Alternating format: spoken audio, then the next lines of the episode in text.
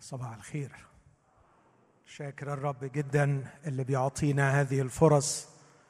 نجتمع عند قدميه نسمع تعليمه واثقين أن كلمته لا ترجع إليه فارغة. هكذا تنبأ إشعياء أو تكلم الرب على فم إشعياء.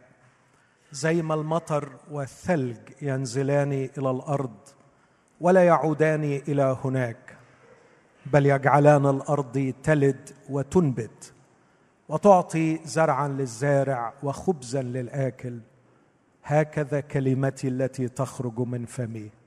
لا ترجع إلي فارغة بل تنجح فيما أرسلتها إليه وتعمل ما سررت به. لولا إيماني بصدق هذه العبارات ربما لا يكون لدينا الطاقة أن نستمر نعلم بكلمة الله. لكن يقيني أن كلمة الرب لا ترجع إليه.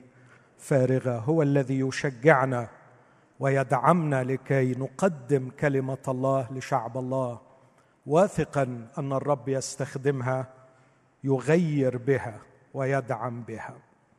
على قلبي أستكمل حديث في سلسلة الألم التي كنت قد بدأتها منذ فترة. ولو تذكروا معي كنت بقول أنا مش بحاول أقدم تعزية للمتألمين مع إن ده مهم جدا وكلمة الله مملوءة بالتعزية. والرسول يقول يكون لنا تعزية بما في الكتب فالكتاب مملوء بالتعزية للمتألمين. لكن ما وضع الرب على قلبي ليس مجرد كلمات تعزية لكن تقديم التعليم الذي يشكل عقلا مسيحيا يجيد التعامل مع الألم عندما يحدث. أقول تاني رغبة قلبي أن أقدم تعليم من الكتاب المقدس. يصيغ يشكل يكون عقلا مسيحيا قويا صحيحا قادر على أن يتعامل مع الألم بشكل صحيح إذا سمحت حكمة الله وتألمنا. كتير بشوف إنه التعزية وقت الألم محاولاتنا المخلصة لتشجيع إخواتنا المتألمين أحيانا تنجح لكن أحيانا تذهب سدى. ولا نستطيع أن نساعدهم. وبكتشف إن السبب ساعتها ليس في نقص التعزية ليس في غياب المعزين ليس حتى بسبب أحيانا جهل المعزين لكن بسبب غياب العقل. القادر على استيعاب كلمة الله واستيعاب كلمات التعزية لم يتكون للشخص ذهن مسيحي يجيد التعامل مع الألم عندما يحدث. أتمنى أن الرب يكون استخدم ما سبق وقدمته ليساعد في هذا الاتجاه. كل الكتاب لازم لتكوين هذا العقل. لكني أشرت إلى سبعة مواضيع. أعتقد أنها هامة للغاية. على المؤمن على المسيحي أن تكون له معتقدات صحيحة من جهة هذه المواضيع السبعة. لكي يستطيع أن يتعامل مع الألم. الموضوع الأول عليه أن يفهم الخلق ويتعامل مع الله باعتباره الخالق. ثم يفهم قضية السقوط وماذا حدث بسبب سقوط آدم دخول الخطية إلى العالم. دخول الخطية إلينا ولادتنا بالخطية عيشتنا في عالم تسوده الخطية. نحتاج أن نكون عقائد أو عقيدة صحيحة من جهة السقوط. ثم سلطان الله. الكتاب المقدس مملوء بتعاليم عن سلطان الله. ونحن معرضين أن ننكر هذا السلطان ننكر تداخل الله أو نرسم صورة عن سلطان الله من خيالنا. نحتاج إلى الكتاب. متى تبدأ حرية الإنسان؟ ومتى يبدأ سلطان الله؟ هل هناك تعارض؟ أعتقد إني تكلمت في هذه الأمور كثيرا. ثم القضية الرابعة الفداء. القصة ما انتهتش عند سقوط في الخطية لكن المسيحية تقدم مشروع الله لفداء البشرية في شخص يسوع المسيح. التجسد وموت المسيح على الصليب والقيامة نحتاج إلى عقيدة صحيحة من جهة مشروع الفداء. تكلمت عن هذه المواضيع الأربعة وبقي لي ثلاث مواضيع. الموضوع الأول هو خدمة المسيح الآن لنا من السماء. المسيح الآن يخدمنا وده اللي هتكلم عنه النهارده في الاجتماعين هذا الاجتماع والاجتماع القادم. ثم ينبغي أن نتكلم في مرات قادمة عن مجيء المسيح. فمجيء المسيح له علاقة قوية بقضية الألم. والأمر الأخير قضاء الله. هل الله يتدخل ويقضي؟ نعم الله لم يكف عن أن يكون قاضيا. هذه المواضيع السبعة. أتوقف اليوم عند قضية أراها هامة. هل المسيح يخدمنا الآن؟ هل المسيح متداخل في حياتنا؟ بدرجة قوية فيها خدمة يومية بل أقول لحظية لحياتنا. ما هو شكل هذه الخدمة؟ ما هي أبعادها؟ كيف نستفيد منها؟ كيف نفهم ألمنا في نورها؟ هل نحرم أنفسنا أحيانا من خدمة المسيح لنا الآن وهو في السماء؟ هل هناك آلام في حياتنا؟ نتألم بها لم يكن هناك داعي لنتألم بها. ونحن نتألم لأننا لم نفهم خدمة المسيح لنا. هذه الأسئلة ربما الأفكار التي يعطيها لنا الروح القدس في هذا الصباح تساعدنا على الإجابة عنها. لكن مبدئيا هنسمع عن خدمة المسيح الآن لنا من السماء. قبل ما أقرأ جزء من الكتاب أو أجزاء عايز أقول إنه اللي في ذهني خمس خدمات يقدمها المسيح لنا الآن وهو في السماء. الخدمة الأولى هو يخدمنا كرئيس جند الرب الذي يقودنا في معركتنا والذي إن التزمنا بتعاليمه وتعليماته كقائد لنا حتما سننتصر. وكثير من الألم يأتي لحياتنا لأننا لا نعرف أن يسوع هو رئيس جند الرب. ولا نتبع تعليمات هذا القائد المغوار العظيم الذي يريد أن يقودنا في معركتنا. هل نحن في معركة؟ وهل نحتاج إلى قائد يقودنا في هذه المعركة؟ وهل يسوع هو القائد لنا؟ الإجابة نعم. هتوقف عند يسوع يخدمنا كقائدنا في معركتنا. لكن أيضا يسوع يخدمنا كشفيع بمفهوم رومية 8 في رومية 8 يتكلم عن واقع مؤلم نعيش فيه. في شدة وفي ضيق في اضطهاد وفي جوع في عري وفي خطر وفي سيف ممكن نتعرض له. لكن في هذا الواقع المؤلم الذي نعيش فيه على الأرض لنا شفيع في السماء. به يعظم انتصارنا. وبولس يتكلم بلغة اليقين أنه على الرغم من هذا الواقع المؤلم الذي نعيشه فنحن أعظم من منتصرين.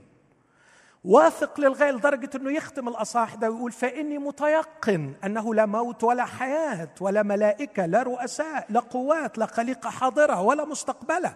تقدر أن تفصلنا عن محبة الله في المسيح يسوع فيعظم انتصارنا بالذي أحبنا. يسوع شفيع يضمن انتصارنا في الواقع المؤلم.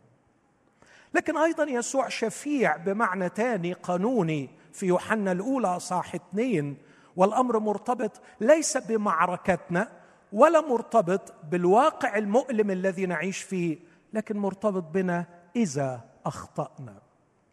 للأسف الشديد ينبغي الا نخطئ لكننا أحيانا نخطئ. والرسول يوحنا يعلم هذا التعليم العظيم. يا أولادي أكتب إليكم أن لا تخطئوا بس اسمع الخبر الرائع. لا تيأس أن أخطأت. فالخطأ يزيد جرحك وألمك التهابا ووجعا. لكن إن أخطأنا لنا شفيع عند الآب يسوع المسيح البار وهو كفارة لخطايانا ليس لخطايانا فقط بل لخطايا كل العالم أيضا. هذه هي الخدمة الثالثة التي يخدمها يسوع لنا يضمن مقامنا عند الآب إذا أخطأنا. الخدمة الرابعة يسوع كاهن عظيم على رتبة ملك الصادق. وهو الكاهن الوحيد على رتبة ملك الصادق. وهو رئيس الكهنة الوحيد على رتبة ملك الصادق. ولقد أخذ هذا المكان ليس من نفسه بل من هذا الذي أقسم قائلا أنت كاهن إلى الأبد. أقسم الرب ولم يندم. أنت كاهن إلى الأبد على رتبة ملك صادق. لقد صار كاهنا بقسم من الله. هذا الكاهن يجلس على العرش هناك من أجلنا أيضا ليتمم خدمة رائعة. ليست مختصة بمعركتنا ليست مختصة بواقعنا المؤلم وليست مختصة بخطيتنا. لكن تتلامس مع شيء رابع جانب في غاية الأهمية جهلنا وضعفنا ومحدوديتنا. فنحن لسنا فقط نخطئ لكننا في معظم الأحوال حتى عندما لا نخطئ نحن في جهل وضعف ومحدودية. بولس وهو يقدم في رسالة العبرانيين حوالي ثمان أصحاحات اثنين أربعة خمسة ستة سبعة ثمانية تسعة عشرة 12 يتكلم عن المسيح كرئيس الكهنة. يقول عنه عبارة جميلة أن كل رئيس كهنة مأخوذ من الناس لأجل الله. اسمع العبارة دي. قادر أن يترفق بالجهال والضالين يقول عنه أنه يرثي لضعفاتنا. يقول عنه أنه فيما قد تألم مجربا ككاهن يقدر أن يعين المجربين. المسيح يخدمني ككاهن إذ يعرف ضعفي وجهلي ومحدوديتي. لكن أخيرا في عبرانيين 13 المسيح يخدمنا كراعي الخراف العظيم من السماء. لكي يفعل شيئين يكمل شخصياتنا. يزيل شوائبها يقوم اعوجاجها يصلح كسورها يجبرها يقوم الشخصية ويكملها. لكن أيضا يقودني لتحقيق غرض وجودي على الأرض. وهذا ما أحلم به كمسيحي إن شخصيتي تتصلح ورسالتي تتحقق. لا أهتم كثيرا إن كنت سأقضي حياة مريحة أو متعبة. لا أهتم كثيرا إن كنت سأقضيها على قدمي أم في فراش المرض. لكن ما يهمني فعلا أن لا أخرج من هذه الحياة دون أن أتمم رسالتي. أشتاق أني في النهاية أقول مع بولس أكملت السعي. إن شوق قلبي أن أخرج من هذه الحياة بشخصية قد تم علاجها. شخصية قد شفيت من سرطان التمركز حول الذات والأنانية. أشتاق إلى شخصية مريحة مشفية. ثم أشتاق قبل أن أخرج أن أكون عرفت غرض وجودي على الأرض وأنجزته. إخوتي من المستحيل بمفردي من المستحيل بمساعدة أي إنسان كان من كانت إمكانياته أو مواهبه. أن أنجز هذا بدون راعي عظيم. يشفق على الرعية. يحب خرافه حتى أنه بذل نفسه من أجلها. يقول عنه في عبرانيين 13 إله السلام الذي أقام من الأموات راعي الخراف العظيم. ربنا يسوع بدم العهد الأبدي يكملكم في كل عمل صالح لتصنعوا مشيئته عاملا فيكم ما يرضي أمامه بيسوع المسيح. هذه الخدمات الخمسة التي يسهر يسوع كل لحظة قائم باستمرار لينجزها لنا. هل إذا استفدنا من هذه الخدمات الخمسة في معركتنا في واقعنا المؤلم في وقت أخطائنا وسقوطنا في الخطية بصفة عامة بسبب جهلنا وضعفنا ومحدوديتنا ثم أيضا في شفاء شخصياتنا وتحقيق غرض وجودنا. هل إذا استفدنا من هذه الخدمات ستتغير طريقة تفكيرنا مع الألم؟ هل سنواجه الألم بشكل مختلف؟ هل سنفسر الألم بشكل مختلف؟ هل سنقرر قرارات مختلفة ونختار اختيارات مختلفة عندما نتألم؟ أعتقد هذا أحبائي وإني أعتقد أننا قصرنا في حق أنفسنا عندما لم ندرك حجم الخدمة المتاحة لنا من يسوع المسيح في الوقت الحالي كانت هذه هي المقدمة. دلوقتي ممكن نقرأ كلمة ربنا. فأستأذنكم نقف مع بعض وإحنا بنقرأ أعداد متفرقة من الكتاب المقدس. أبدأ بأروع وداع ودع به الملك يسوع. الملك يسوع ودع تلاميذه بهذا الوداع الرائع. متى 28 عدد 16 وأما الأحد عشر تلميذا فانطلقوا إلى الجليل إلى الجبل حيث أمرهم يسوع. ولما رأوه خلاص انقشعت غيوم الجهل بمن يكون يسوع إنه يسوع الملك. ولما رأوه سجدوا له لكن للأسف بعضهم شكوا. فتقدم يسوع لينزع كل شك. تقدم يسوع وقدم نفسه كالملك قائلا. دفع إلي كل سلطان في السماء وعلى الأرض. فاذهبوا. وتلمذوا جميع الأمم. وعمدوهم باسم الآب والابن والروح القدس. وعلموهم أن يحفظوا جميع ما أوصيتكم به. وها أنا معكم. وها أنا معكم كل الأيام. معكم في معركتكم. معكم في إرساليتكم. ها أنا معكم. ليست معية الشركة. لأنه معية الشركة مش مرتبطة بانقضاء الدهر. ستظل إلى الأبد. لكن معكم في هذا الدهر إلى أن ينقضي لأدعمكم وأقودكم. ها أنا معكم كل الأيام إلى انقضاء الدهر. آمين. ثم عبارة أخرى في صلاته الشفاعية أو صلاته الكهنوتية البعض يحب أن يسميها في إنجيل يوحنا إصحاح 17 حيث استمع التلاميذ أروع وأقدس صلاة رفعت من الأرض كان المسيح يصلي من أجل تلاميذه. بعد ما قال كلام جميل كتير رائع وصل لعدد 17 يوحنا 17 17 يقول للآب قدسهم في حقك كلامك هو حق. كما أرسلتني إلى العالم أرسلتهم أنا إلى العالم.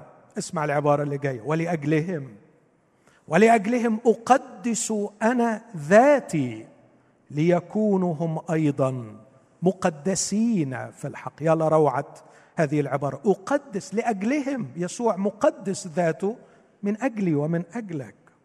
ثم أقرأ أيضا عبارة من رسالة العبرانيين وأترك بقية العبارات نقرأها في أثناء الخدمة. في عبرانيين ثمانية الرسول يقول هذه الكلمات بعد بحث طويل في موضوع الكهنوت.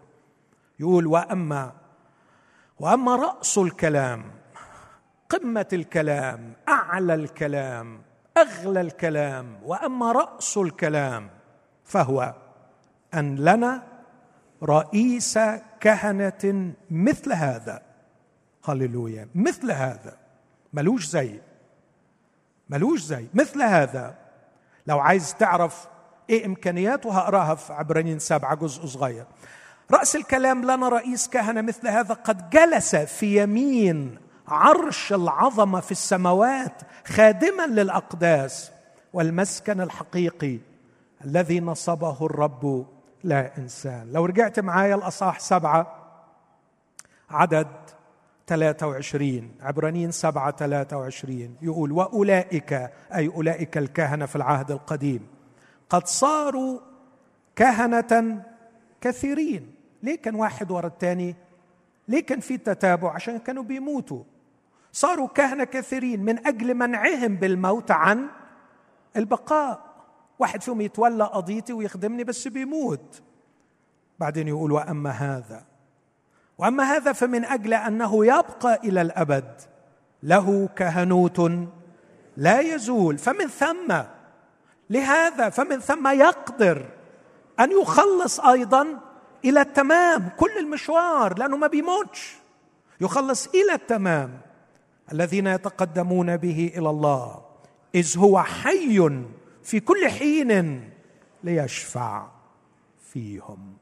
هذه هي كلمة الرب. خلونا وإحنا واقفين نطلب من الرب إنه يفتح قلوبنا لتسكن فينا هذه الكلمة بغنى. أتضرع إليك يا أبي. أتضرع إليك أيها الابن المبارك. أتضرع إليك يا روح الله القدوس. أن تفتح عيوننا وقلوبنا. أنر أذهاننا. وأسكن كلمتك فينا. قدسنا أبانا في الحق. وأعطنا فعلا أن نكون حق وأن نسلك في الحق. لكي تفرح بنا. في اسم المسيح يا أبانا استجب. آمين. تفضل.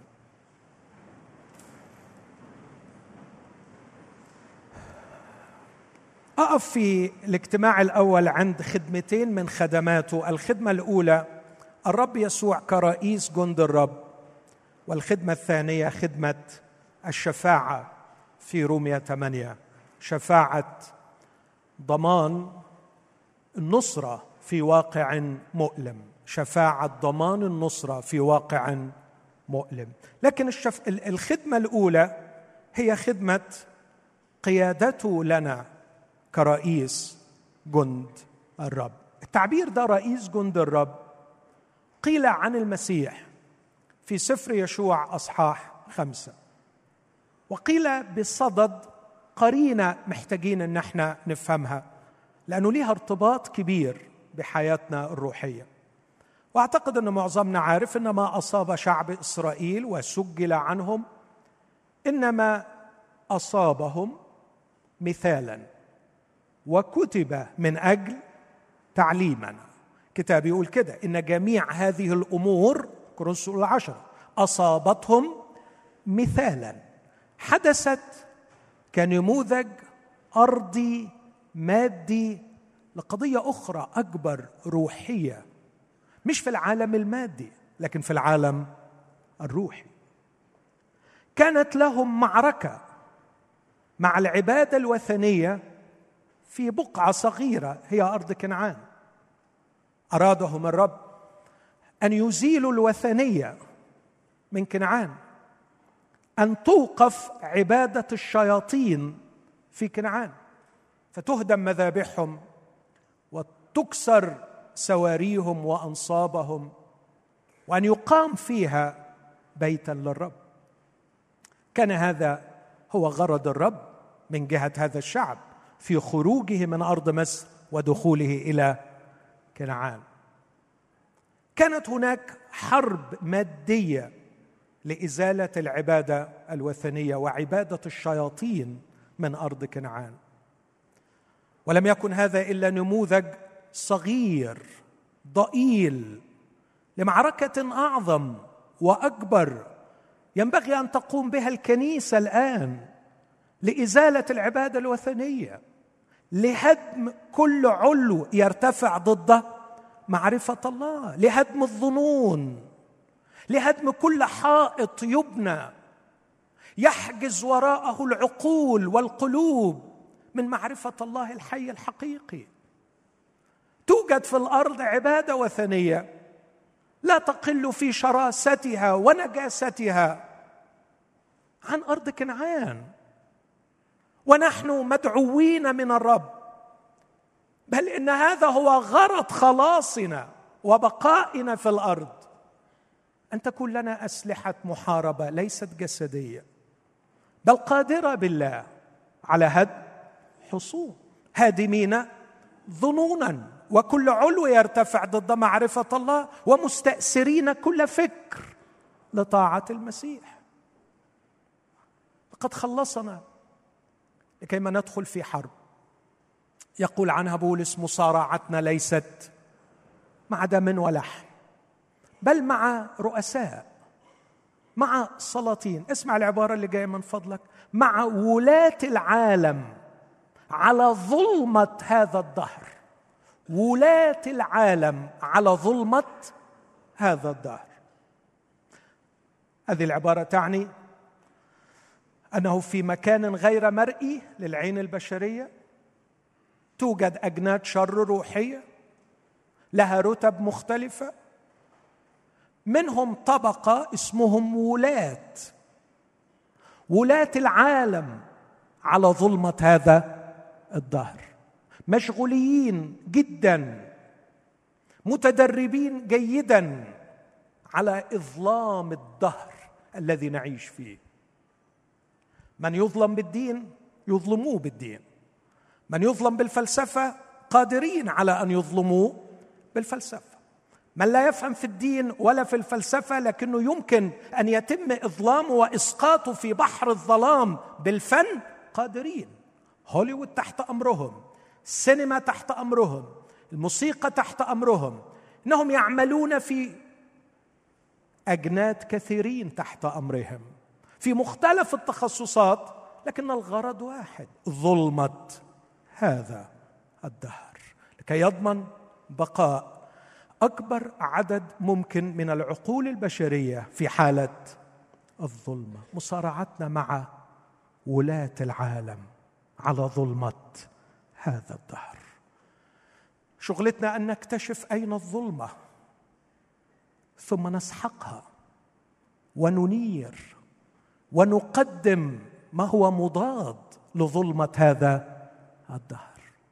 لقد دعينا للخلاص لا لكي نأكل ونشرب ونستريح لا لكي نتزوج وننجب لا لكي نتجر ونربح أموال لكننا مدعوين لنكون جنودا أوفياء.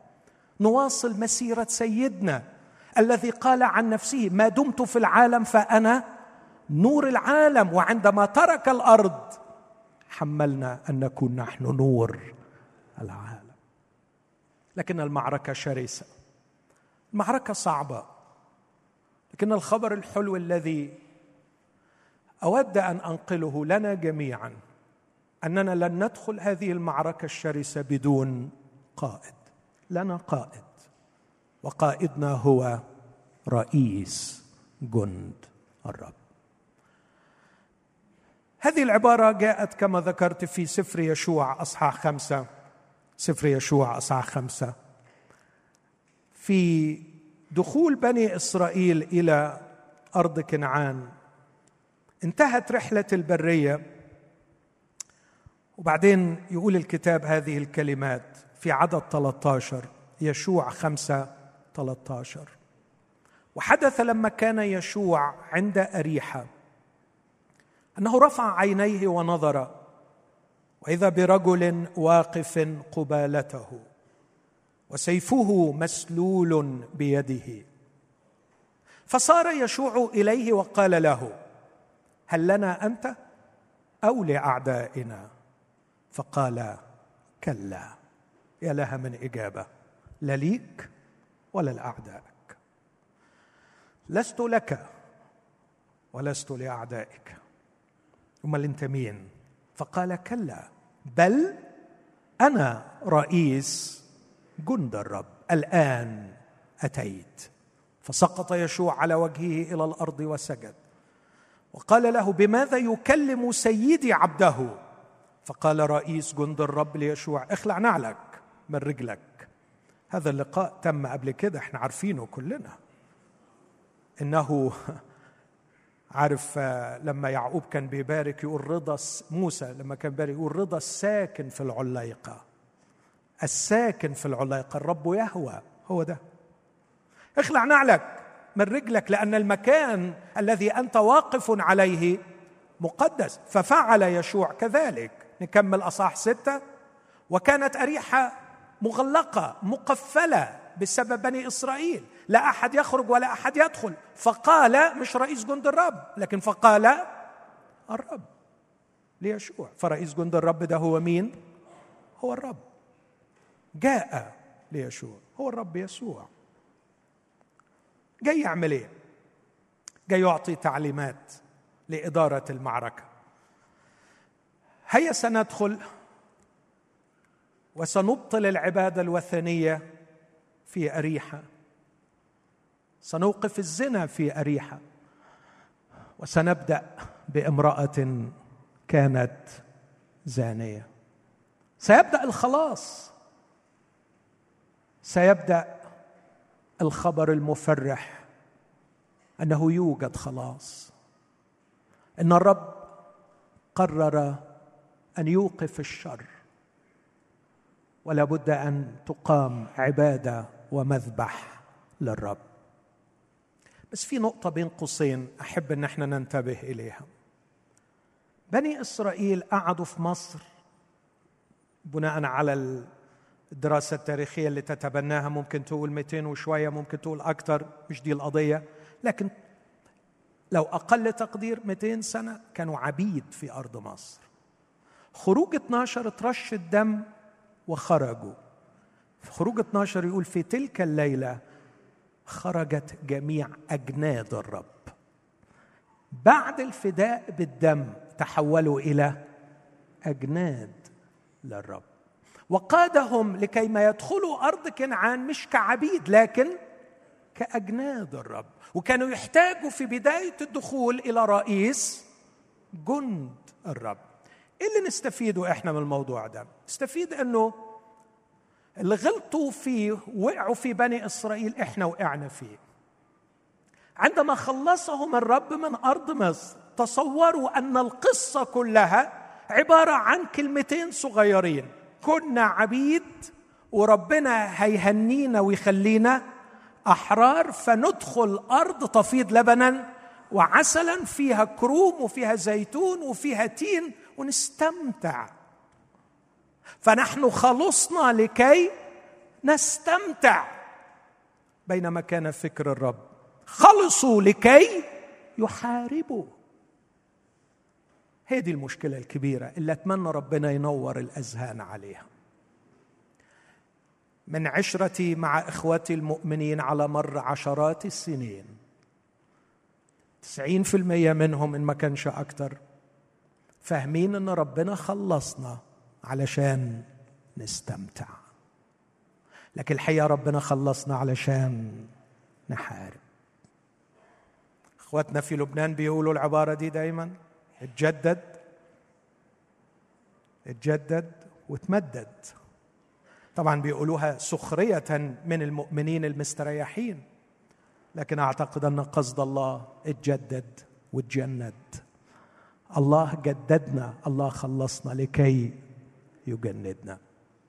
تقول لي ماشي ما إحنا هنستريح ونتبسط وإن شاء الله كمان هنحارب له. يعني في وقت فراغنا كده مش هنتأخر عليه. هو بس يقول و... وأنا أنقي المعركة الكويسة اللي أحس إن أنا ينفع أحارب فيها و... ويعني I will be available. يعني ما, ما يقلقش. أنا يعني هخلي نفسي متاح لي لما يحتاجني؟ ده كلام خايب اللي بيقول كده عمره ما دخل جيش ولا يعرف يعني إيه جيش. من تجند تجند ولا يرضي نفسه. من قبل الجندية يهب نفسه للمعركة يهب نفسه لقائده. لم نعد من لحظة تسليم الحياة للمسيح ملكا لأنفسنا. ولا يحل لنا أن نعيش من أجل أنفسنا. اللي مش فاهم كده على فكرة لازم يفهم. لا اللي مش فاهم لازم يفهم. بس اللي بعديها مش لازم تقبل مش لازم تقبل بس أرجوك لازم تفهم. عشان ما تخترعش مسيح على مزاجك ونوح خلاص على مزاجك وتقعد تغني بيه وتتبسط بيه وأنت عايش في دنيا لوحدك. فمن ناحية تفهم لازم تفهم أن المسيح خلصنا لكي يجندنا في معركة عظيمة مع أجناد الشر الروحية في السماويات. ده لازم تفهمه. لو مش قابله لك مطلق الحق.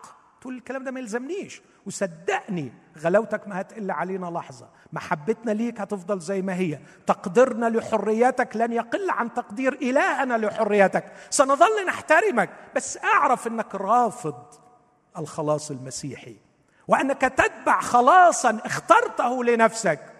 من وجهة نظري لا يختلف عن خلاص مصباح علاء الدين. فهذا الخيال الشعبي قابع في قلوب العرب قابع في قلوب الشرق قابع في قلوبنا كمصريين. ما عادش عندنا مصباح نحكه ولا خاتم نحكه. أنا يتيم وفقير وظروفي صعبة وعندي عم شرير وعايز أتجوز بنت السلطان وما عنديش قصر أسكنها فيه فأنا حالتي مرار لكن الحمد لله طلع لي مصباح علاء الدين. شيل مصباح علاء الدين وحط يسوع في القصة وهتكمل الحكاية. هتكمل الحكاية. ونحك المصباح. شيل نحك المصباح نصلي. لكن هي صدقني صلوات لا تختلف عن حك المصباح.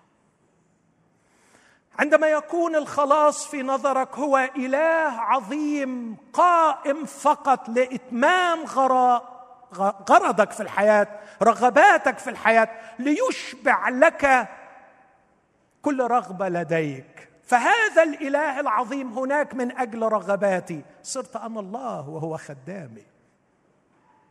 لكن الله في المسيحيه مش كده. والخلاص المسيحي مش إنه يحط إيدك على قوة جبارة اسمها يسوع. تنجز لك أغراضك في هذه الحياة. لكن يسوع يقود مفديين. فداهم بالدم. خلصهم بذراع قوية. لكي يعملوا معه في معركته. لأن لديه قضية مرعبة.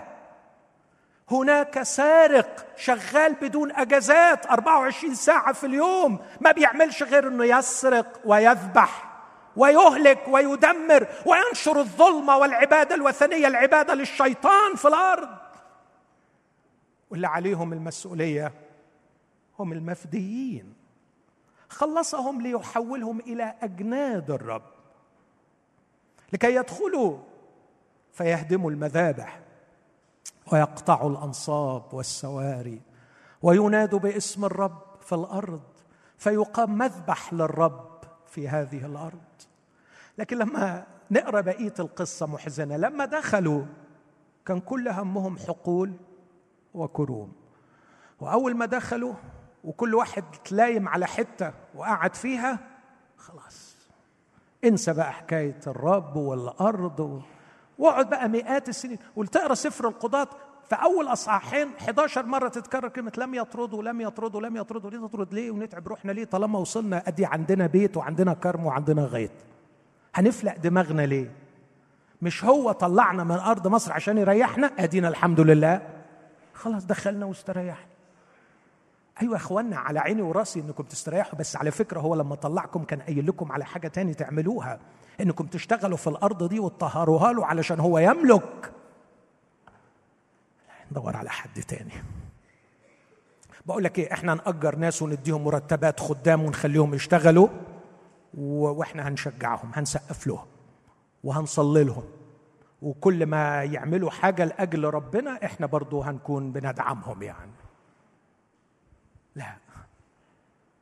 قد اختارك كامرأة لتكوني كدبورة واختارك كرجل لكي تكون كجدعون. اختار رجلا أعصر اختار عثنئيل ابن قناز. اختار المساكين وأقامهم رجالا يعملوا لحسابه. في زمن زمن القضاة كان كل واحد يعمل. ما يحسن في عينيه وهذا هو حال الكنيسة الآن. كل واحد يعمل مش ما يحسن في عيني القائد. نسى إنه قائد. لم تعد السماء ترى رجالا ونساء يجثون على ركبهم في مخادعهم يبدأون يومهم. ماذا تريد مني أن أفعل؟ لقد أصبحنا ننطلق لتحقيق رغباتنا وصلواتنا صارت مقصورة على توسلات له ليشبع رغباتنا ليتمم مقاصدنا دون أن نتوقف لكي نسأله ماذا تريد مني؟ ان افعل أحسنت إلي بالإحسان ده كله. ليه؟ ادتني الصحة. ليه؟ حافظ لي نور عينيا. ليه؟ ليه لسه عقلي شغال؟ ليه لسه جسدي شغال؟ ما هي مشيئتك من وجود يوم زيادة في الأرض؟ أنا هنا! لا لأعمل مشيئتي لكن أعمل مشيئة الذي أرسلني. هي دي الحياة المسيحية. إخوتي كثير جدا من الألم ناتج عن بحثنا عن رغباتنا. صاروا بالسين وراء الباطل وصاروا باطلا. لماذا الخواء؟ لماذا الفراغ؟ لماذا الفشل؟ لماذا العدم؟ لماذا الخلافات؟ لماذا الصراعات؟ لأن كل واحد يعمل ما يحسن في عينيه. لم نعد نرى أنفسنا اجنادا تم شراءهم بدم كريم. عليهم أن يكونوا قديسين لأن الذي دعاهم قدوس. عليهم أن يكونوا جنودا اوفياء لقائد عظيم قبل أن يشرفنا ويختارنا معه في أشرف معركة في التاريخ معركة الله مع أجناد الشر الروحية في السماء. بالعكس أخجل إني أقول إبليس ماسك زلة على كل واحد فينا. إبليس ذللنا وعنده حاجة على كل واحد فينا مخليانا مش عارفين نفتح عينينا في ربنا. مش عارفين نقول له نحارب معاك ونعيش لك ونمجدك ونكرمك. لأن كل ما بقول الكلمتين دول يجي يقول لي طب والموضوع الفلاني؟ طب والفلوس اللي مش بتاعتك؟ طب والعلاقة الغلط اللي انت فيها؟ طب والشهوة الفلانية؟ طب والخطة الرديئة اللي انت راسمها؟ طب والمرارة اللي في قلبك من ناحية أخوك؟ ما فيش قد رفضنا خفايا الخزي. ما فيش أما الله فقد صرنا ظاهرين له. ما فيش إننا إن سلكنا في النور كما هو في النور. ما عدناش ما عدناش أحرار أقوياء. قادرين نحارب معركة الله. إخوتي اسمعوا مرة أخرى.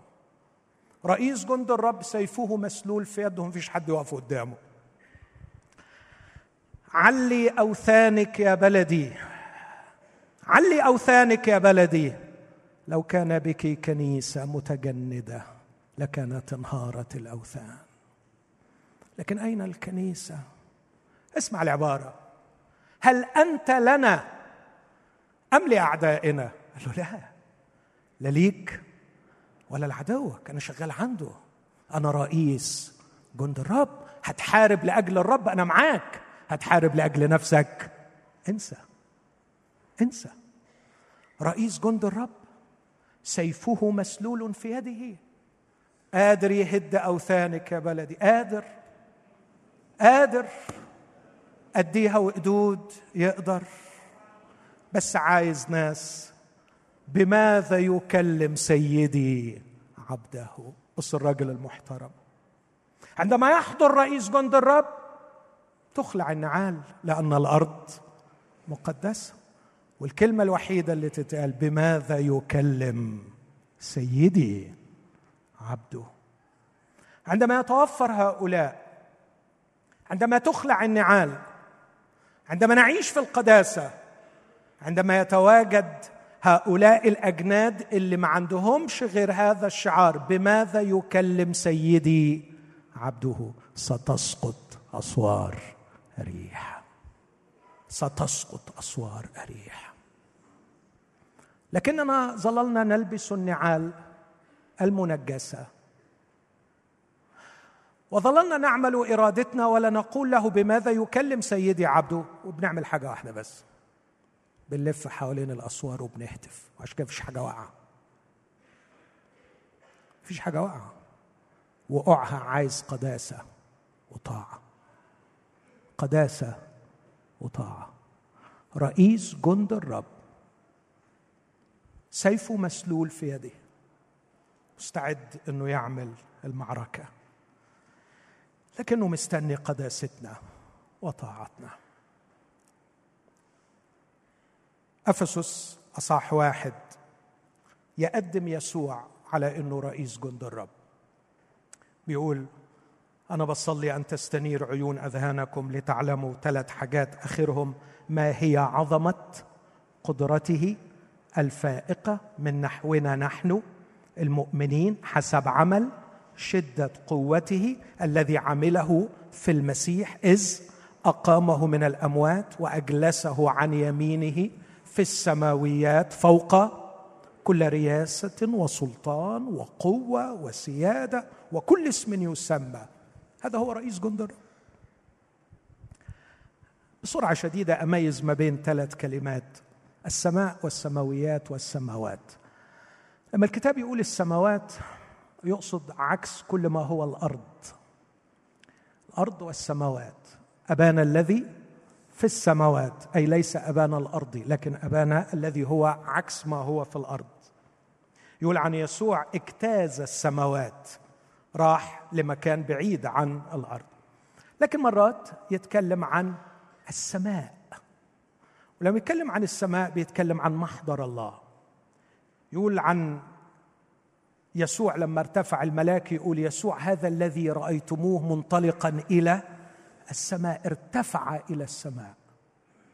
رسول بطرس يتكلم عنه فصاح ثلاثة ويقول عنه الذي قام من الأموات ومضى إلى السماء وملائكة وقوات وسلاطين مخضعة له. دخل إلى السماء. عبرانيين تسعة يقول لم يدخل إلى أقداس مصنوعة بيد أشباه الحقيقية بل إلى السماء. ارتفع إلى السماء دخل السماء مضى إلى السماء وجلس عن يمين الله. بقعة مقدسة. بقعة فيها الحضور الإلهي. في العالم غير المرئي في الواقع غير المرئي. في الواقع غير المرئي توجد بقعة اسمها السماء. فيها يجلس يسوع ابن الله. فيها حضور الله. فيها يمين الله حيث مكان العظمة والرفعة. لكن في مكان تاني اسمه السماويات وهو مرتبط بالسماء لكنه أوسع. ده اللي بيتكلم عنه هنا في أفسس.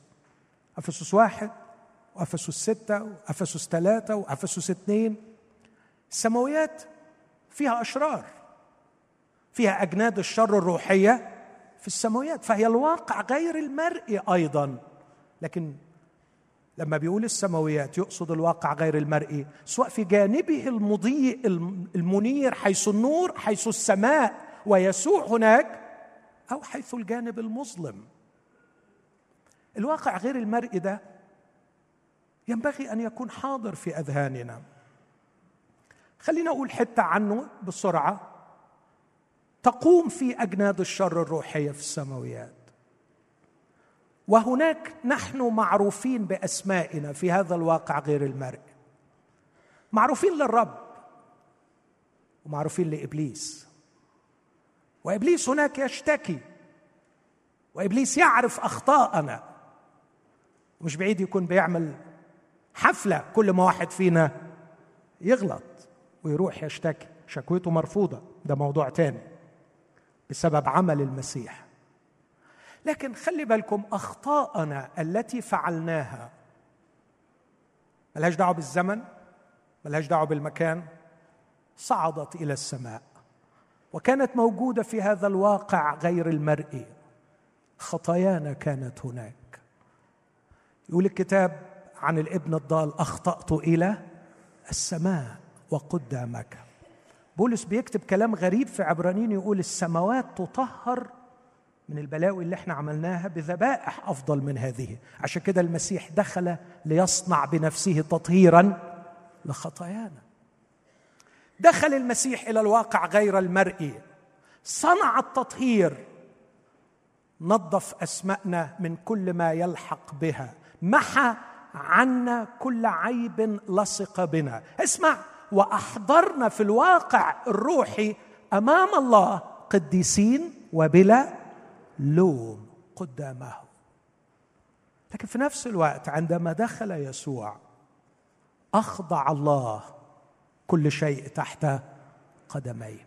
وصارت كل أجناد الشر بكل رتبها وبكل سلطتها تحت قدميه.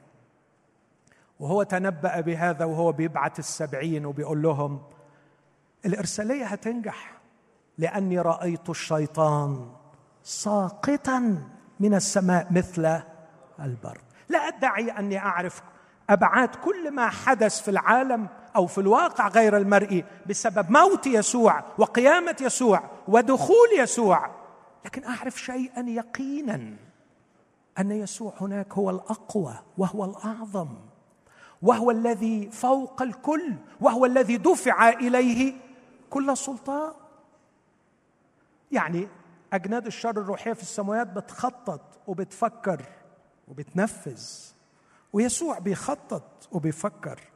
ولو نفذ اللي بيخطط له وبيفكر فيه أكيد أكيد سيسحق كل عمل لإبليس. لكن ما بيرضاش يشتغل لوحده. ودي من العقد اللي محيراني معاه. دي من الحاجات اللي مش فاهمها حقيقي وبعترف بعجزي عن فهمها. يعني لو أنا عقلي طبعا عقلي المحدود اللي قد حبة رملة قصاد عقله أقول له ما تخلص. ما تخلصها أنت. ما أنت اديها وقدود. يقول لي أتهيألي يعني. يقول لي لو عملت النصر ده ما أفرحش بيه. لأن أنا مش غرضي أفرح بنصر. غرضي أفرح بمنتصرين. مش فرحتي يا ابني إني أحقق نصر لكن فرحتي أخلق منتصرين. وعشان كده أنا صابر. صابر لغاية ما يعقلوا. صابر لغاية ما يفوقوا. صابر لما كل واحد فيهم يقول لي خلاص هخلع الملكي والبس الميري وهتجند وهقول لك أنا مستعد. تشغلني معاك وتنتصر من خلالي وتحقق رغبة قلبك في إنك مش بس تحقق نصر لكن تخلق منتصرين. ما أسهل أن يحقق النصر لكن واضح إن صناعة منتصرين يملى بيهم بيته في النهاية ويفرح بيهم ويقول دول اللي حاربوا معي دول اللي غلبوا هم دول اللي غلبوا غلبوا بدم الخروف وبكلمة مين يكمل الآية دي؟ ولم يحبوا حياتهم حتى الموت.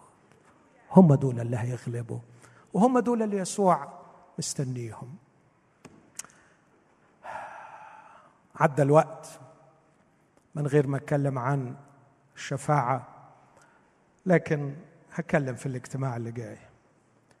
بس أختم وأقول إخوتي الرب خلصنا لكي ما نتجند له. وأمامنا معركة ليست هي معركتنا لكنها معركة الرب.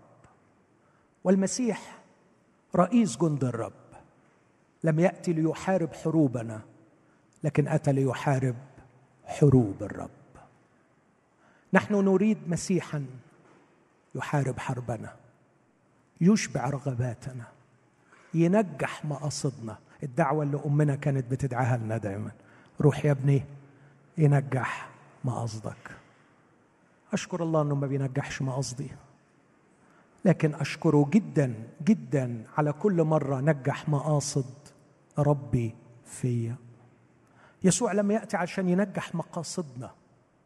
لو عايز يسوع يشتغل لك ينجح مقاصدك أنت تبحث عن مصباح علاء الدين وليس عن رئيس جند الرب. الله لديه معركة وقد أتى يسوع كرئيس جند الرب ليقودنا للنجاح.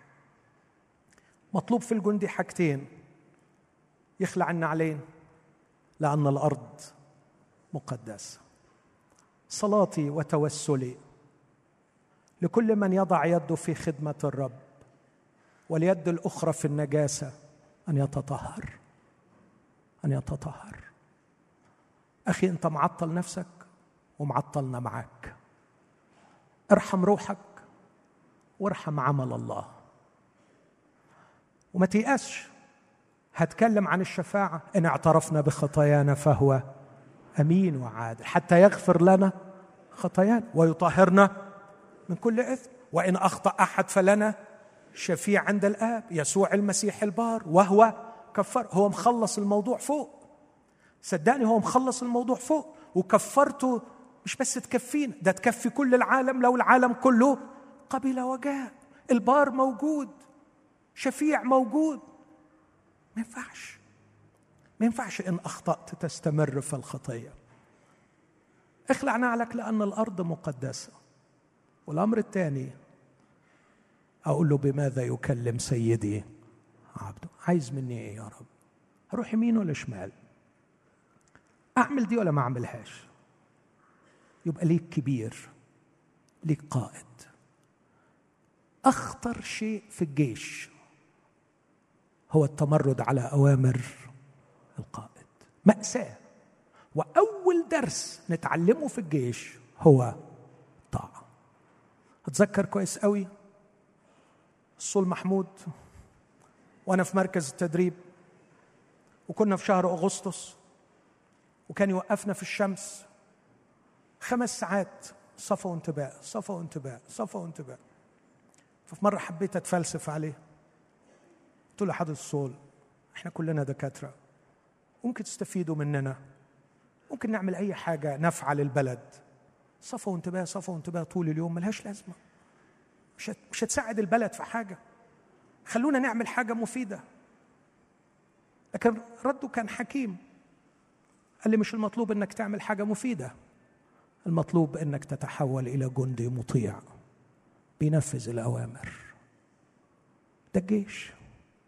اللي عايزين يخدموا الرب اللي عايزين يكونوا في المعركة المقدسة دي. عليهم يعرفوا قداسة وطاعة. وبدون قداسة وبدون طاعة. انسى. مفيش خدمة مفيش نجاح. مفيش مذابح هتقع. مفيش أسوار هتقع. إذا ما كانش في قداسة وطاعة للرب. رئيس جند الرب مش هيشتغل. رئيس جند الرب مش هيشتغل. هو ده شرطه. بس أتخيل واحد يقول نكدت علينا يا أخي. أنا باجي الاجتماع علشان أتشحن كده بطاقة طاقة إيجابية.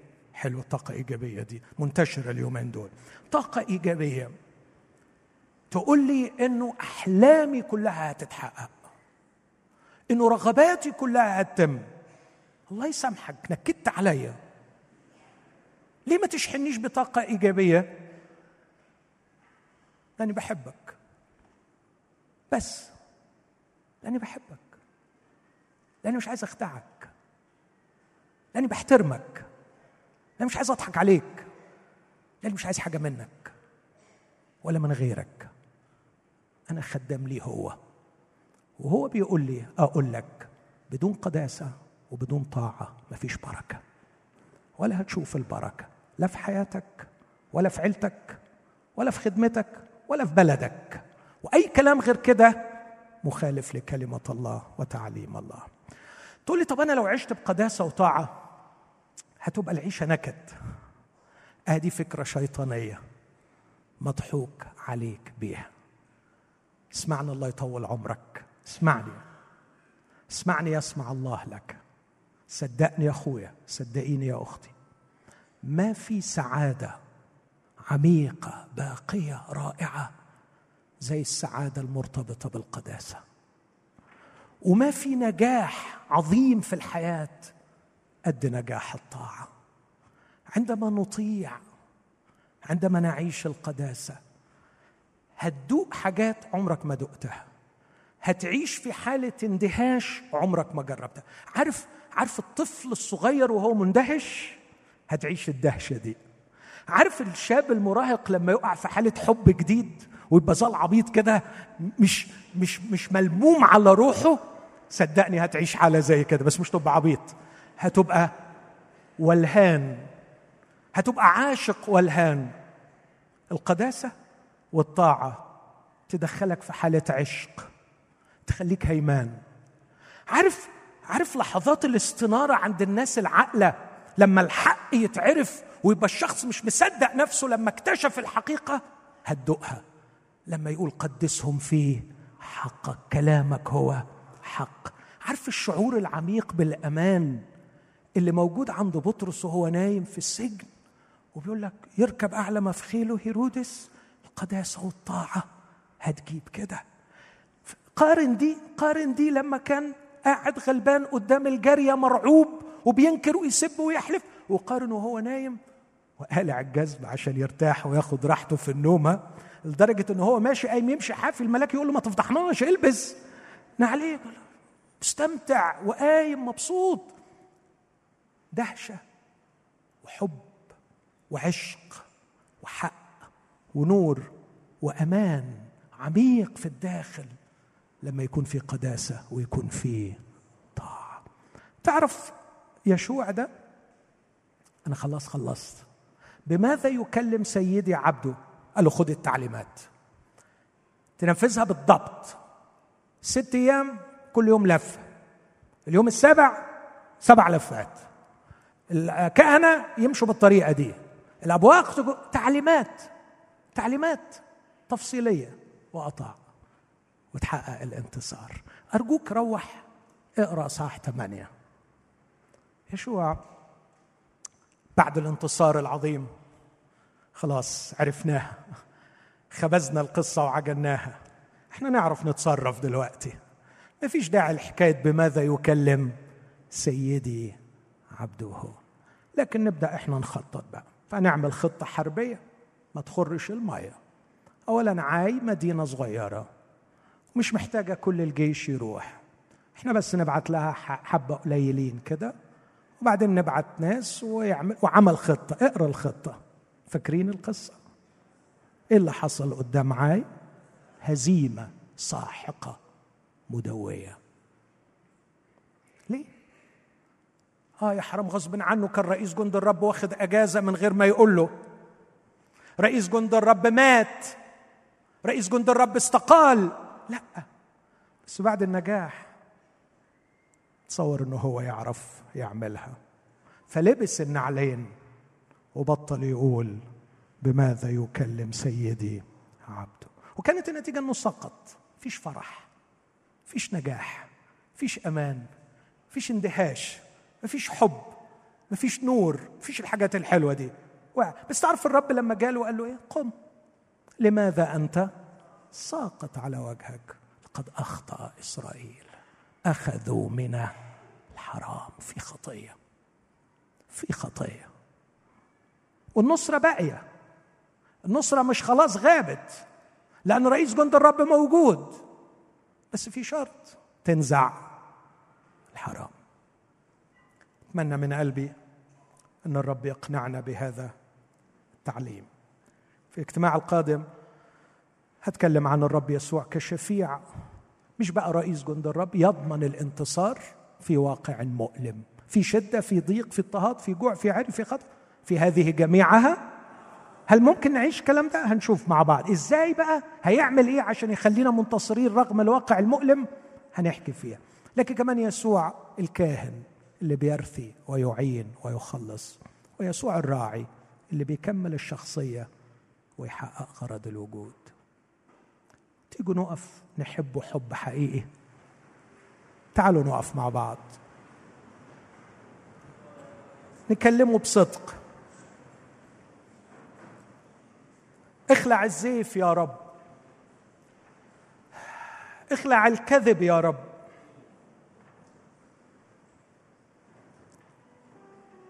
جاي اقف قدامك وقفة حقيقية. أقول لك سامحني.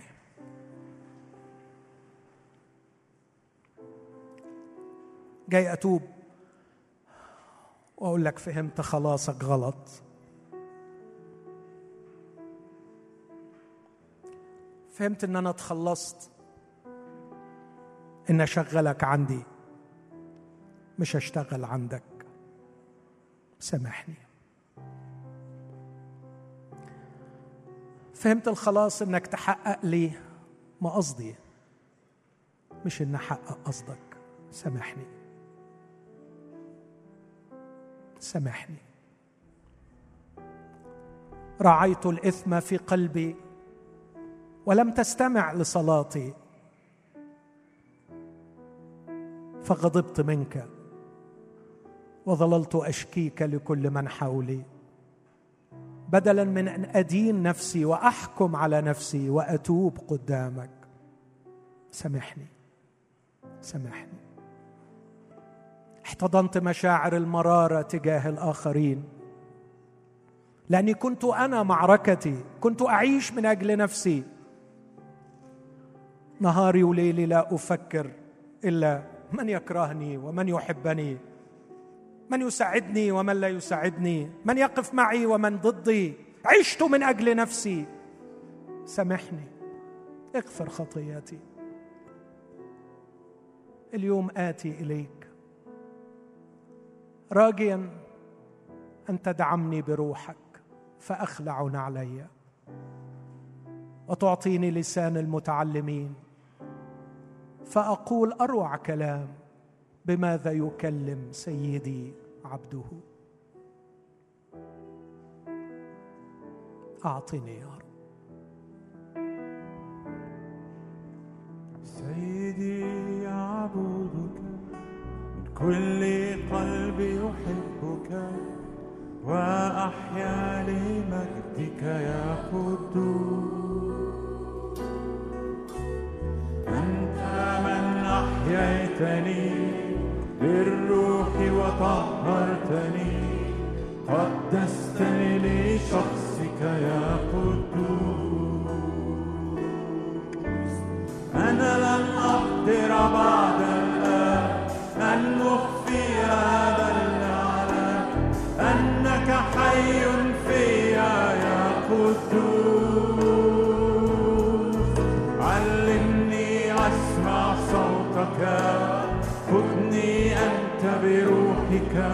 Fire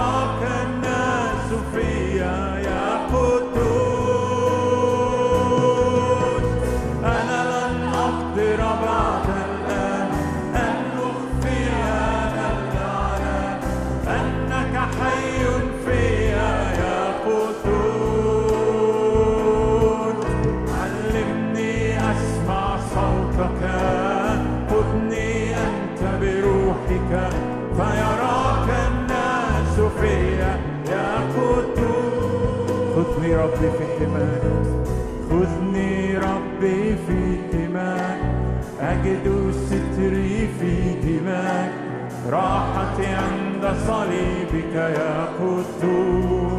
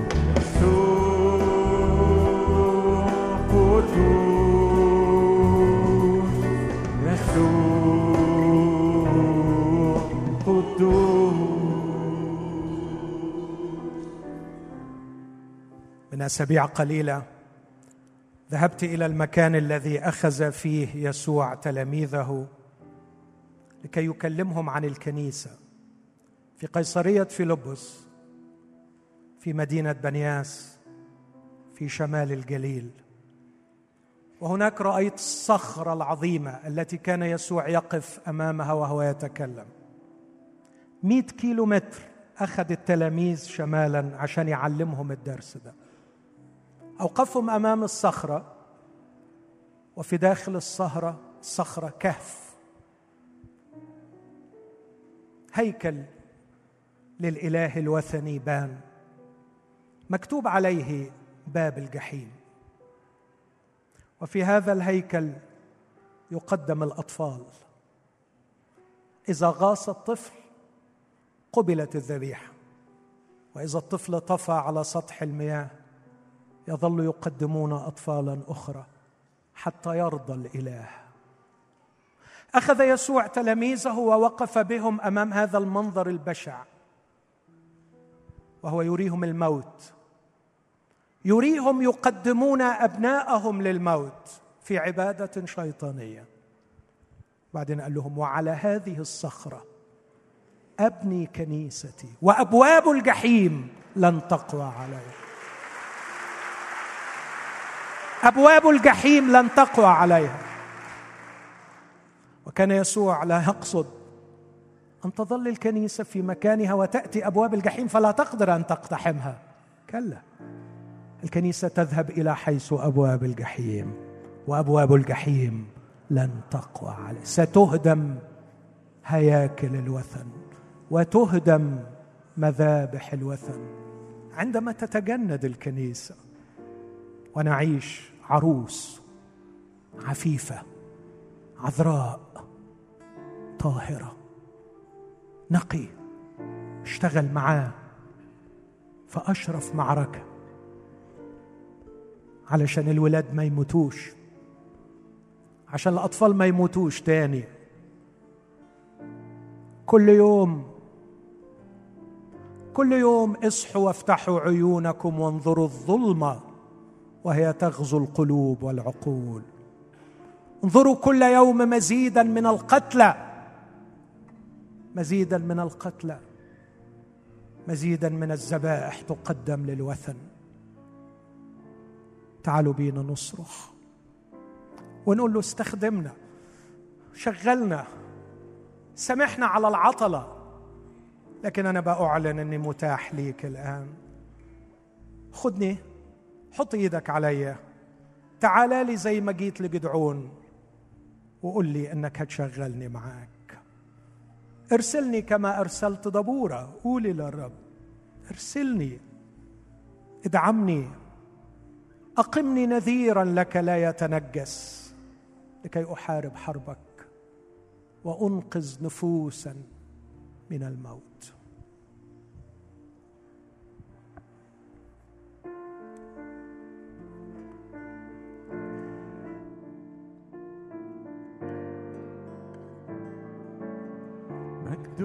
عليك يرى.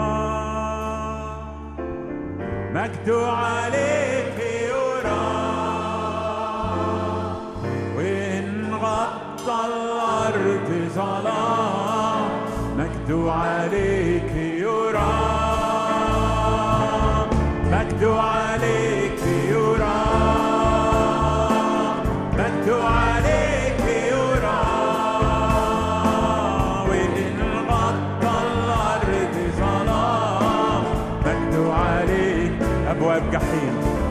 أبواب جحيم مش هتقوى عليكي. ده الرب حي ساكن في وسطيكي وسور من نار مكتوب من حواليكي. ومستنيري هو هيفرح بيكي. أبواب جحيم مش هتقوى عليكي. ده الرب حي ساكن في وسطيكي. وسور من نار